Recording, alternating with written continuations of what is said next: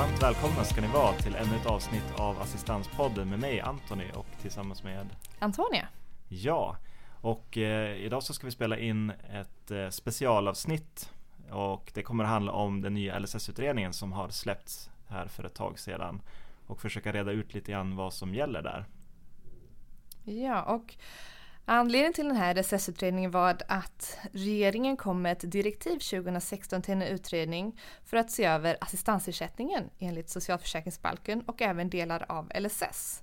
Och syftet med det här uppdraget det var att skapa en mer långsiktigt och eh, helt enkelt en hållbar ekonomisk utveckling av insatsen personlig assistans och även då få till stånd mer ändamålsenliga insatser enligt LSS och därmed främja en lagstiftning som främjar jämlikhet i levnadsvillkor och då full delaktighet i samhällslivet. Mm. I det här första direktivet som kom från 2016 så framgick det också att utredaren fick i uppdrag att komma med förslag som skulle bryta kostnadsutvecklingen eh, av assistansersättning. Och därmed också ta fram alternativ till personlig assistans. Man kan väl säga att det var helt enkelt en fråga om att det skulle inte bli dyrare, det skulle nästan bli billigare då eller? Precis. Mm. Och det har fått stark kritik av eh, handikapprörelsen. Mm. Utredningen fick även i uppdrag att eh, lyfta fram olika möjligheter att begränsa antalet användare av personlig assistans och försöka då bryta det timmar som har ökat. Mm. Eh, under processens gång så har det kommit tilläggsdirektiv och senast i maj 2018 så kom det ett direktiv från regeringen där de ändrade sig och eh, den här utredningen behövde inte ta fram förslag som skulle eh, leda till besparingar av assistansen. Mm. Man kan väl säga att det berodde väl lite grann på att det läckte en del uppgifter från den tidigare utredningen eller så som utkastet såg ut tidigare som eh, väckte mycket oro hos eh, ja, människor som har insatser eller de som är anhöriga till människor som har insatser då enligt LSS och eh, det var väl egentligen då som det här tilläggsdirektivet som du nämnde kom också där man ändrade ändrade vad ska man säga de de riktlinjer som, som eh, utredaren har att förhålla sig till när de ska ta fram de här förslagen då. Precis, och detta kom ju som en, som en lättnad för eh, funktionshinderrörelsen. Men det var ändå inte så att utredningen fick i uppdrag att ta fram insatser som skulle öka kostnaden för assistansen. Utan det är även så att eh, utredningen har hållit fast vid att eh, man ska ta fram förslag för att begränsa antalet användare av personlig assistans. Just det. Och detta har då lett fram till en LSS-utredning som släpptes den 10 januari. Ja, och det var den vi tänkte vi ska prata om idag och försöka reda ut vad som egentligen föreslås i den här LSS-utredningen och kanske också komma in lite grann på varför den har fått en hel del kritik från brukarrörelsen. Mm. Och i dagens avsnitt så kommer vi prata om just personlig assistans och ha fokus på den delen. Sen kommer vi även släppa ett till avsnitt som kommer handla om de övriga insatser som eh, utredaren har lagt fram som förslag. Just det. Så att eh, fokus på assistans idag, nästa avsnitt blir de andra insatserna om man är intresserad av att lyssna på dem. Ja. Men vi kan väl börja prata om hur ser assistans ut idag? Mm. Man kan väl säga att assistans kan ju egentligen beviljas för alla behov. Nu har vi ju pratat om det här i de tidigare avsnitten så gå gärna in och lyssna på dem. Och eh, nu tänkte vi väl bara kort sammanfatta det. Men eh, det innebär ju att assistans har tillgodosett och tillgodoser många behov som eh, utredningen tittar på ur ett annat perspektiv än just assistans då. Och som vi även har pratat om i den tidigare avsnitten så finns det två stycken huvudmän. Mm. Det vill säga att Försäkringskassan fattar beslut om assistansersättning eh, och kommunen fattar beslut om personlig assistans. Och i praktiken så är det ju samma sak men mm. skillnaden är att eh, för att få assistansersättning så behöver man ha eh, mer än 20 timmar i veckan för de grundläggande behoven. Och de har vi också pratat om i tidigare avsnitt och vi kommer gå in lite mer på det idag för att som mm. det ser ut i den här utredningen så är det lite förändrat. Precis. Men du, hur ser förändringarna ut då enligt det här förslaget i LSS-utredningen? Jo, vi kan väl börja med att se vilka är det som inte längre kommer ha rätt till personlig assistans. Mm. Och då är det två stycken grupper som kommer att uteslutas från assistansersättningen. Vilka grupper är det? Jo, för det första så är det barn under 16 år kommer inte längre att ha möjlighet att söka personlig assistans. Just det. Eh, man föreslår alltså att helt lyfta bort barn från assistansen då, man, eh, då utredningen menar på att personlig assistans är inte en ändamålsenlig insats för eh, den här gruppen. Just det, och som du nämnde tidigare också så, så har de ju då föreslagit nya insatser som vi kommer gå in på i nästa avsnitt. och vad de innebär. Så lyssna gärna in på det. Precis, för det kommer då innebära en ny insats för barn som kommer heta personligt stöd till barn och det kommer vi inte gå in på så mycket idag. Eh, utan vi kommer fokusera på de som kommer att få möjlighet att söka assistans helt enkelt. Just det. Men barn kommer alltså inte ha det. Den andra gruppen eh, som inte längre kommer ha möjlighet att söka personlig assistans, det är de som idag beviljas assistans för det som kallas för det femte grundläggande behovet. Eh, mm. det vill säga personer som är behov av stöd eh, av en person som har ingående kunskap om dem. Just det. Och de kommer inte heller då ha rätt till personlig assistans så som de har idag utan även de har man då föreslagit en, en ny insats som vi kommer gå igenom då som sagt i nästa avsnitt. Mm. Så vilka är det då som har möjlighet att söka personlig assistans enligt eh, utredarens förslag? Ja, nej, men det blir ju lite grann som du var inne på, personer över 16 år, alltså inte barn då, eh, som har behov av hjälp med praktiska hjälpbehov. Och eh, man kan väl säga att som du också var inne på så har man ju sett över begreppet grundläggande behov och där har man valt att ta bort det begreppet men man behåller ändå en del av innebörden i det när man ser på vilka praktiska hjälpbehov det är som beviljar assistans då. Men du Antonija, om vi ska prata lite grann om de här förändringarna som sker. Du nämnde ju att som det ser ut i nuläget så finns det ju två huvudmän. Och en fråga som man har läst en hel del om i media handlar just om det här med Ska det bli någon förändring kring huvudmannaskapet, alltså är det staten eller kommunen som ska ansvara för assistansutredningar och assistanskostnader? Sker det någon förändring där? Ja, och det är det som är intressant för här känns det som att eh, utredningen faktiskt har lyssnat på rörelsen. Och eh, de har lagt förslag att det kommer bli ett statligt huvudmannaskap. Det vill säga att det är bara Försäkringskassan som kommer bevilja personlig assistans. Det vill säga man lyfter bort personlig assistansen helt från kommunens ansvar. Just det. Eh, så det kommer vara Försäkringskassan som utreder och fattar beslut om man har rätt till assistansersättning och man kommer därför inte att bollas fram och tillbaka från de här myndigheterna. Vilket är då en av anledningarna till varför man har valt att ha just ett ansvar. Men du Antonija, gäller det här också för tillfälliga utökningar av assistansen enligt förslaget? Ja precis. Så det kommer inte vara någonting som ligger kvar på kommunen just om personlig assistans utan det är Försäkringskassan som utreder både det varaktiga behovet av assistans men även om det finns ett tillfälligt utökat, exempelvis vid en semesterresa eller så. Just det, och några av skälen som de lyfter fram till varför man vill göra det, det är just för att det ska bli likvärdiga bedömningar och man kan ju också se till kritik som har framförts tidigare just när det gäller kommunal assistans, just hur begränsande det blir för möjligheten att, för personer med assistansen då att flytta från en kommun till en annan och så. Och på så sätt tänker man att det skulle underlätta att det är staten då som beviljar assistansen, för då är det inte längre knutet till var i landet man bor. Så det kan ju vara positivt. Absolut. Eh, sen så kommer det vara så att personlig assistans lyfts inte bort från LSS. Så det kommer fortfarande finnas kvar i LSS-lagstiftningen. Mm. Men det blir inte längre kommunens ansvar att utreda det. Just det.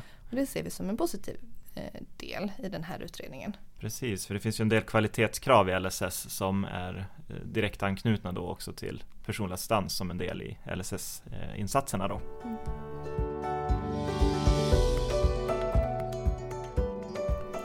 Så nu har vi pratat om vilka är det som inte kan beviljas personlig assistans enligt den här utredningen och även då vem det är som har, eh, som har ansvaret för att utreda frågan. Så vilka är det då som kan beviljas personlig assistans från Försäkringskassan? Ja precis, som vi var inne lite grann på tidigare här så är det då personer som är över 16 år och det är också personer som behöver hjälp med praktisk hjälp. Och här har man då valt att helt enkelt plocka bort begreppet grundläggande behov. Och det har vi pratat om tidigare att det är ju ett begrepp som kan vara lite missvisande eller förvirrande på många sätt och det har väl utredaren också eh, fångat upp. Och då vill man ta bort det. Men eh, i övrigt så ser det ganska likt ut ändå att vi känner igen begreppen som att det handlar om personer med behov av praktisk hjälp då för personlig hygien, på och avklädning, kommunikation och för måltider då. Och eh, som du nämnde tidigare så har man helt enkelt tagit bort det femte grundläggande behovet som handlar om personer som behöver hjälp av någon med ingående kunskaper. Det som man kan se i utredningen dock, det är att det inte har skett någon förändring i vad begreppen personlig hygien, måltider, klä på sig, vad det faktiskt ska innebära. Utan det innebär ju då egentligen att den bedömning som Försäkringskassan gör idag om de här begreppen, de kommer följa med. Just det, för en av frågorna som har framförts sedan en ganska lång tid tillbaka det är just frågan om behöver man se över konsekvenserna av domen från Högsta förvaltningsdomstolen år 2009 som innebar att de grundläggande behoven ska beräknas utifrån behov som är integritetsnära och av mycket privat karaktär. Men just den bedömningen eller den återgången har utredaren sagt att det finns ingen sån återgång som man skulle kunna göra i praktiken eftersom bedömningarna har varierat så mycket före år 2009. Så någon återgång eller förändring i det avseendet vill man ju inte göra. I alla fall inte i den här utredningen. Sen så har man väl hört om man lyssnar lite från politikerna att man vill lyfta upp sådana här förändringar. Men utredaren har sagt att i, den, i det direktiv som de har fått till just den här utredningen så har det inte funnits mm. möjlighet att utreda om man kan utvidga begreppen som har framkommit genom praxis. Precis, och det är en viktig sak att tänka på också när man läser utredningen eller när man lyssnar på vad utredningen föreslår. Man måste tänka på att de direktiven som du gick igenom från början Antonija, just att de direktiven begränsar ju också de förslag som den här utredaren överhuvudtaget i praktiken kan föreslå. Så att eh, det är svårt att säga om det är de, det är de bäst lämpliga eh, alternativen utifrån hur man vill utveckla assistansen. Det, det kan ju bli en fråga om utifrån de direktiv man har haft så kanske det är de enda möjligheterna man egentligen har i praktiken att föreslå. Det som ändå utredaren lyfte upp i eh, utredningen det var att hon skulle vilja att man utreder vidare. Om det mm. finns en annan eh, möjlighet att eh, komma fram med bedömningen om hur, vem som har rätt till personlig assistans. Men som sagt då, i den här utredningen så kunde man inte göra det. Det innebär att minuträknaren kommer finnas kvar mm. och även den här snäva bedömningen kring vad som är ett grundläggande behov eller inte, även om man tar bort just begreppet grundläggande behov. Det just som det. dock tas bort från ja, det som föreslags att man tar bort det är den här 20 timmars gränsen från Just Försäkringskassan. Mm. Inför de någon ny gräns? Nej, inte riktigt, utan det är så att eh, nu när Försäkringskassan då ska ta över eh, hela bedömningen om rätt till assistans så ges förslaget att de ska använda samma bedömning så som kommunerna gör idag. Just det. Och där finns inte någon nedre tidsgräns, inte som i alla fall inte i lagstiftning utan det har vuxit fram genom praxis någonstans, lite oklart att säga men tre till fem till sju timmar kanske. Ja. Som sagt, det är lite oklart beroende på vilka behov av hjälp man har. Och just den oklarheten som du beskriver där, eh, tror du att det skulle kunna vara ett problem i praktiken? Alltså att, att det finns ju egentligen ingen uttalad gräns, även om man ser till den praxis eller de, de domar som har kommit när det gäller just kommunernas bedömningar. Ja, det är klart. Det är, det är också väldigt problematiskt att inte ha någon, någon så nedre tidsgräns. För det är väldigt svårt att veta då vem har rätt och vem har inte. Mm. Det blir väldigt olika bedömningar. För utredaren pratar ju väldigt mycket om just att det ska vara eh, väldigt um, Alltså det ska, bli, det ska vara förutsägbart som man pratar om, alltså att det ska vara lätt att veta var gränsen går för om man har rätt till en insats som man söker eller inte. Och det här är väl då ett litet frågetecken från vår sida. Men du Antonija, ett annat frågetecken som också uppstår när man läser utredningen lite grann är just vad, vad gäller kring de här egenvårdsbehoven som vi läser ganska mycket om. Vi tänker till exempel på andning och sondmatning. Föreslår man att de här behoven skulle kunna vara assistansberättigande behov enligt den nya lagstiftningen som LSS-utredningen då föreslår? Ja, tittar man just på sondmatning så hänvisar eh, utredningen till den här domen som kom i april 2018 där Högsta förvaltningsdomstolen kom fram till att sondmatning kan beräknas som ett grundläggande behov i och med att eh, detta ska innefattas i begreppet måltid.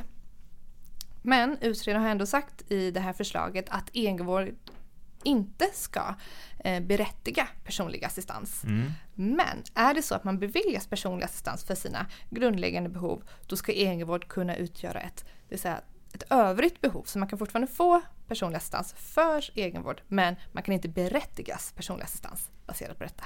Just det, så det går inte att direkt läsa i utredningen att andning och sondmatning ska vara eh, assistansberättigande i sig. Alltså om vi tänker med dagens begrepp. Det ska inte vara grundläggande behov Nej, precis, det ska det inte.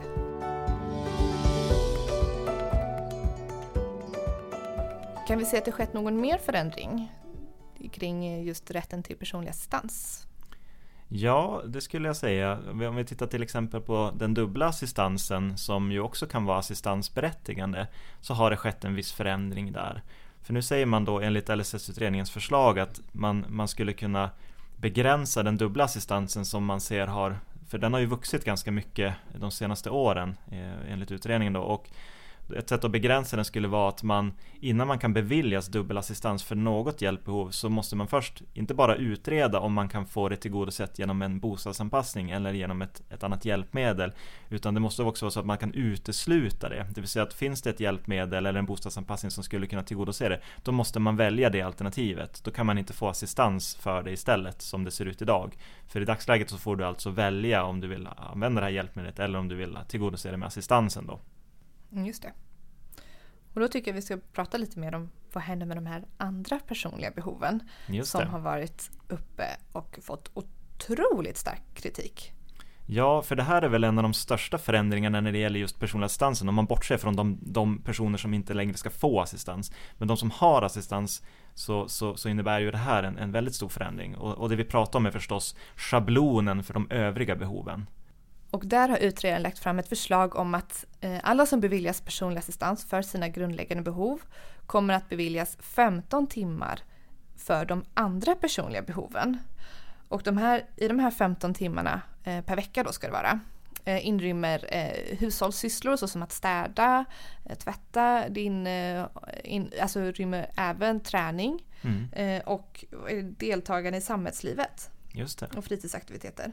Så 15 timmar i veckan för de andra personliga behoven. Som när man räknar idag som ett genomsnitt så är det 65 timmar per vecka som är genomsnitt. Så att det här är en otroligt stor minskning. Ja, precis, redan där är det en väldigt stor minskning. Eh, och sen är det också så att de övriga behoven kan ju idag vara eh, egentligen allt ifrån inga timmar till dygnet runt. Så att, eh, att, att, att dra, dra ner det till en schablon känns ju som en, en väldigt drastisk förändring så. Men det finns ju också ett, ett undantag kan man säga som, som utredaren också lyfter fram och det är ju då möjligheten att utifrån de individuella behoven söka ut, tim, timmar utöver de här 15 timmarna då för vissa specifika ändamål. Och vilka ändamål är det hon lyfter fram i utredningen? Jo men det, det är som arbete, eh, det kan man söka extra timmar för, studier och annat deltagande i, i olika samhällsaktiviteter. Mm. Men det viktiga här är att man, ska kunna, man måste tidsbegränsa Eh, aktiviteten. Så det är väldigt tidsspecifika aktiviteter som man kan söka för. Exempelvis eh, om man vill gå och bovla en timme i veckan. Ja, just det. Jag tänker också där, för det skriver de i utredningen, att det ska vara aktiviteter med tydliga start och stopppunkter. Att, att det har varit ett problem jämfört med tidigare då. Och det är därför man menar på att de övriga behoven har kunnat svävat iväg och bli ganska omfattande och så. Eh, sen också ett till, ett till hjälpbehov som också kan beaktas här är då egenvården som man också tar upp i utredningen. Så. Och även väntetid. Precis. Så det vill säga väntetid som man kan få på natten eh, om, när man sover och är i behov av någon som väntar på att ett hjälpbehov ska upp, eh, uppstå. Det finns med i, i lagförslaget. Mm. Men däremot när vi pratar om just väntetid och behov på natten så har man uttryckligen sagt att beredskap ska tas bort från assistansen. Och beredskap är då ett, eh, handlar om att man ska finnas till hands fast man behöver inte finnas till hands hemma hos eller i närheten, direkta närheten hos den som behöver hjälpen utan man kan till exempel eh, vara till hands fast man finns hemma och kan bli inkallad då vid behov. Så vad innebär det då? Om, om vi har en brukare som ansöker om personlig assistans, man beviljas eh, tid för sina grundläggande behov och sen så får man, eh, och de grundläggande behoven är det då toalettbesök, personlig hygien i stort, eh, på avklädning, måltider. Och sen så får man 15 timmar för sina övriga behov, mm. då det ska inkludera träning och alla hushållssysslor.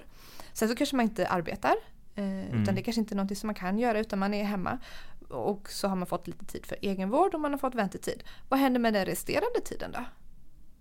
Ja, det är ju en bra fråga.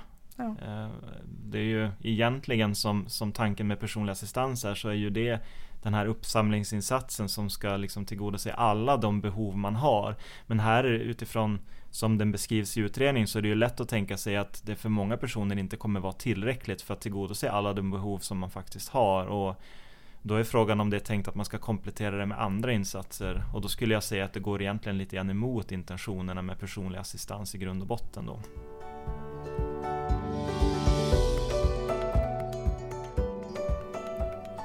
Men du Antonia, vad tror du om att vi pratar lite grann om de här fördelarna och nackdelarna som utredningen lyfter med just den här typen av bedömning? Och då, och då pratar vi om att, att schablonisera de övriga behoven.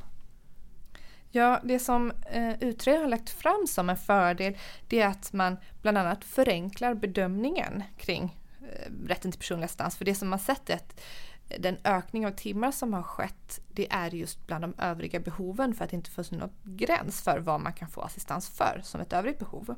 Mm. Och i och med att man förenklar den här bedömningen så eh, ökar dessutom förutsägbarheten. Just det. Enligt utredaren. Och när man pratar om förutsägbarhet då kan man nog tänka sig både för, för, för staten som ska kostnadsberäkna det här men, men också för den enskilde, alltså den som söker insatsen kan ju räkna med att det kommer bli om jag får rätt till den här insatsen så är det ungefär de här timmarna det handlar om. Så på så sätt så finns det ju helt klart en förutsägbarhet i att göra en, en schablonbedömning då. Men om vi tittar på nackdelarna istället, vad är det, vad är det utredaren lyfter där? Ja, och det som jag tror då tar fram det är att eh, vissa personer kommer kanske då få fler timmar än vad man behöver. Medan andra inte kommer fullt ut få Alltså deras behov kommer inte täckas med de här 15 timmarna i schablon. Mm. Så det är de nackdelar som, eh, som utredaren lagt fram. Antingen så får folk för mycket eller så får folk för lite. Eh, och där sägs utredaren ha gjort en avvägning mellan enkelhet och rättvisa. Just det. Och där kan väl man väl säga att enkelheten vinner eftersom ja. det för, förslaget ser ut som det gör.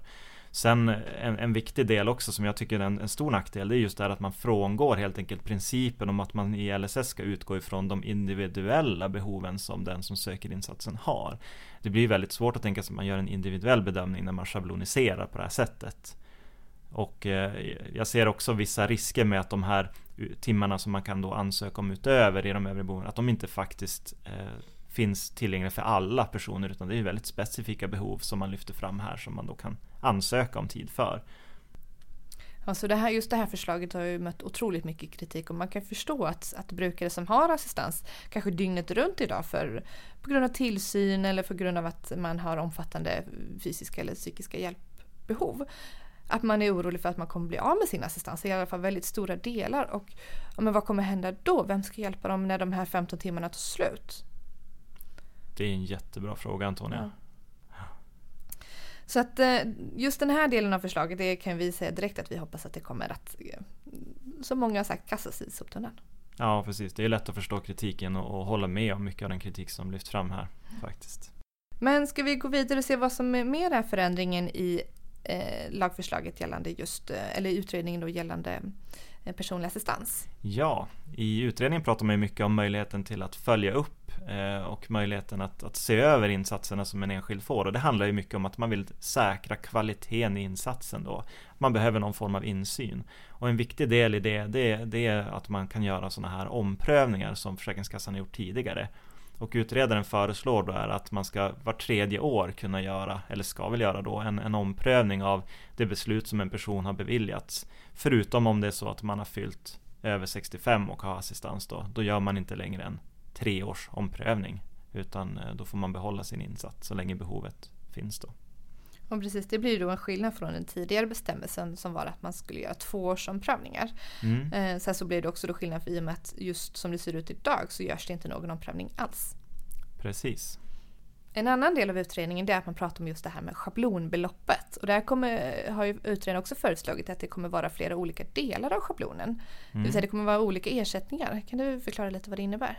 Ja, precis. Som ersättningen för assistans ser ut idag till exempel så, så beviljar man den i ett visst schablonbelopp som bestäms årligen. Det är alltså en, en, en viss kron, ett visst antal kronor som man får per timme som man utför assistansen då. Och så ska det även se ut enligt förslaget. Men här vill man göra vissa förändringar så att man delvis vill man att sjuklönekostnaderna ska inkluderas i det här schablonbeloppet. Det är alltså de kostnader som uppstår när en personlig assistent som ska jobba blir sjuk och inte kan jobba. För då, då måste man ju ta in en vikarie och då blir det en extra kostnad då. Och som det ser ut just nu så är det kommunen som ansvarar för de extra kostnaderna även om du har en privat anordnare av assistansen. Men här föreslår man då att man i, direkt i schablonbeloppet ska kompensera alla anordnare eh, just för den här kostnaden som uppstår då, direkt i schablonen. Och en annan grej som man också föreslår en förändring då i schablonbeloppet det är just att man ska anpassa beloppet efter förutsättningarna just för vem som utför assistansen och när. Och då pratar vi om det här delvis med att man, om man arbetar på obekväm arbetstid så ska man få en högre ersättning. Och när man inte gör det så ska man få en lägre ersättning. Sen pratar man också om att kostnaden varierar beroende på om du har en assistent som är så kallat extern, alltså att någon som kommer utifrån kommer och jobbar med dig som behöver hjälp då. Eller om du har en person som är anhörig eller som, som, som bor i samma hushåll då, man pratar om hushållsgemenskap. Att, att gör man det, då har man typiskt sett lägre kostnader och då ska man också få en lägre schablon än om det är en extern assistent som kommer in och jobbar då. Så det innebär alltså att om man har en anhörig som bor i samma hushåll så kommer de troligtvis att få en lägre lön. Och även att de inte kan ha möjlighet att eh, vara med på kanske personalmöten eller på eh, olika utbildningar för att man inte får den ersättningen som kan täcka dem ja, extra kostnader. Precis, det är några av de rädslor som har lyfts fram i alla fall att det skulle kunna få de konsekvenserna. Utredningen tar ju inte upp de frågorna egentligen, men, utan de, de grundar det här på ett antagande om att kostnaden blir lägre när man har en person som bor i hushållsgemenskap utifrån att man typiskt sett inte är sjukskriven i samma omfattning som en person som eh, som är extern då och då får man en lägre kostnad i genomsnitt också för den här assistenten.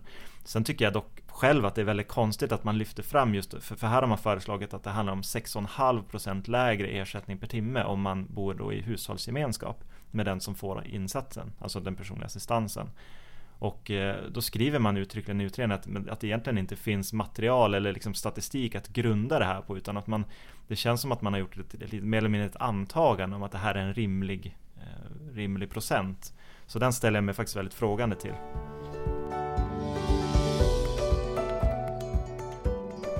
Och då är ju då frågan, när kommer det här, om allting accepteras som det är, när kommer det träda i kraft? Och då har utredningen lagt fram eh, förslag på övergångsbestämmelser. Mm. Det vill säga att från och med 1 januari 2022 då kommer alla som har personlig assistans från kommunen att lyftas över till Försäkringskassebeslut. Det vill säga det. alla kommer få beslut från Försäkringskassan oavsett om man har ett kommunbeslut eller Försäkringskassebeslut. Och under den här perioden från 1 januari 2022 fram till och med sista december 2024 så måste alla söka om sina assistansbeslut eller söka en av de nya insatser som har eh, föreslagits från utredaren. Och från 1 januari 2025 kommer alla tidigare beslut om personlig assistans att upphöra.